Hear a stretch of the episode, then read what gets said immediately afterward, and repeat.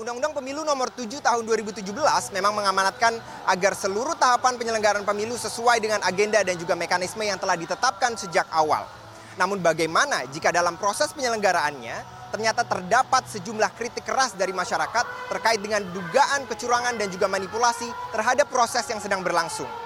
Akankah pemilu 2024 masih dapat dipercaya oleh masyarakat untuk menghadirkan calon pemimpin yang jujur dan juga adil?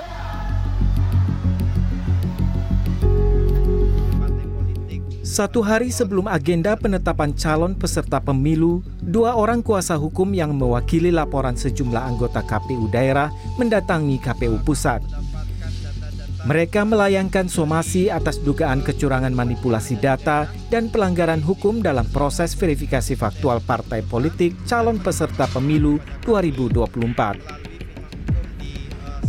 Kecurangan ini diduga dilakukan oleh pejabat KPU pusat serta sejumlah anggota KPU provinsi dan kabupaten kota yang diduga menginstruksikan untuk mengubah data parpol dalam sipol dengan mengubah status tak memenuhi syarat menjadi memenuhi syarat untuk menjadi peserta pemilu.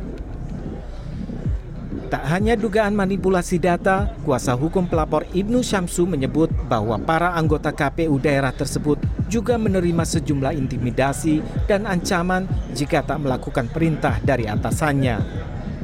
Eh, temuan kami berdasarkan aduan yang ada di eh, teman-teman uh, daerah menyatakan bahwa uh, melanggar uh, hukum dalam hal uh, proses perbaikan yang artinya adalah data yang ada di daerah itu sama sekali tidak uh, data yang ada di daerah itu sudah mencerminkan bahwa dilakukan perbaikan maupun tidak dilakukan perbaikan uh, partai politik yang dilakukan verifikasi itu memang sudah tidak dianggap TMS karena tidak memenuhi syarat misalnya Pimpinan KPU Pusat menolak informasi tersebut dan menyebut bahwa tak pernah ada instruksi secara khusus terkait manipulasi data dan sipol serta aduan yang disampaikan.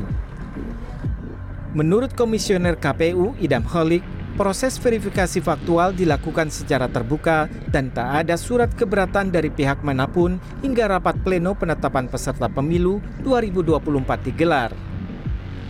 Proses rekapitulasi hasil verifikasi ini dilakukan secara berjenjang dan setiap jenjang itu diberikan kesempatan kepada partai politik dalam hal ini narah hubung untuk menyampaikan keberatan sampai dengan uh, rekapitulasi tingkat provinsi itu rampung, tidak ada satupun surat keberatan yang disampaikan oleh uh, narah hubung partai di setiap provinsi. Kritik juga datang dari mantan Ketua KPU Pusat periode 2004-2027, Ramlan Surbakti, dan Ketua KPU periode 2012-2017, Hadar Nafis Gumai yang mengaku geram atas keputusan pimpinan KPU Pusat untuk tetap menggelar agenda penetapan parpol peserta pemilu, padahal dugaan manipulasi data tersebut dilakukan atas instruksi dari pusat. Pimpinan KPU dinilai tak transparan dan tak mengedepankan asas akuntabilitas dalam memberikan informasi yang benar kepada masyarakat dan akan berdampak pada ketidakpercayaan masyarakat terhadap penyelenggaraan pemilu. Nah, akuntabilitas politik ini berarti pertanyaan keberatan itu dari berbagai pihak, termasuk dari sejumlah anggota KPU kabupaten kota, itu harus dijawab oleh KPU. Dijawab dengan terang menerang, tetap muka. Gitu. Tidak hanya apa anggota KPU, tapi juga teman-teman LSM yang di Sulawesi Utara, di Sulawesi Selatan, uh, itu harus diadu data. Melalui pesan singkat, Ketua Dewan Kehormatan Penyelenggara Pemilu atau DKPP, Hedi Lugito menyampaikan penolakannya untuk berkomentar terkait dengan isu ini atas alasan bahwa belum ada aduan kepada DKPP terkait dengan adanya dugaan manipulasi dalam proses penyelenggaraan pemilu.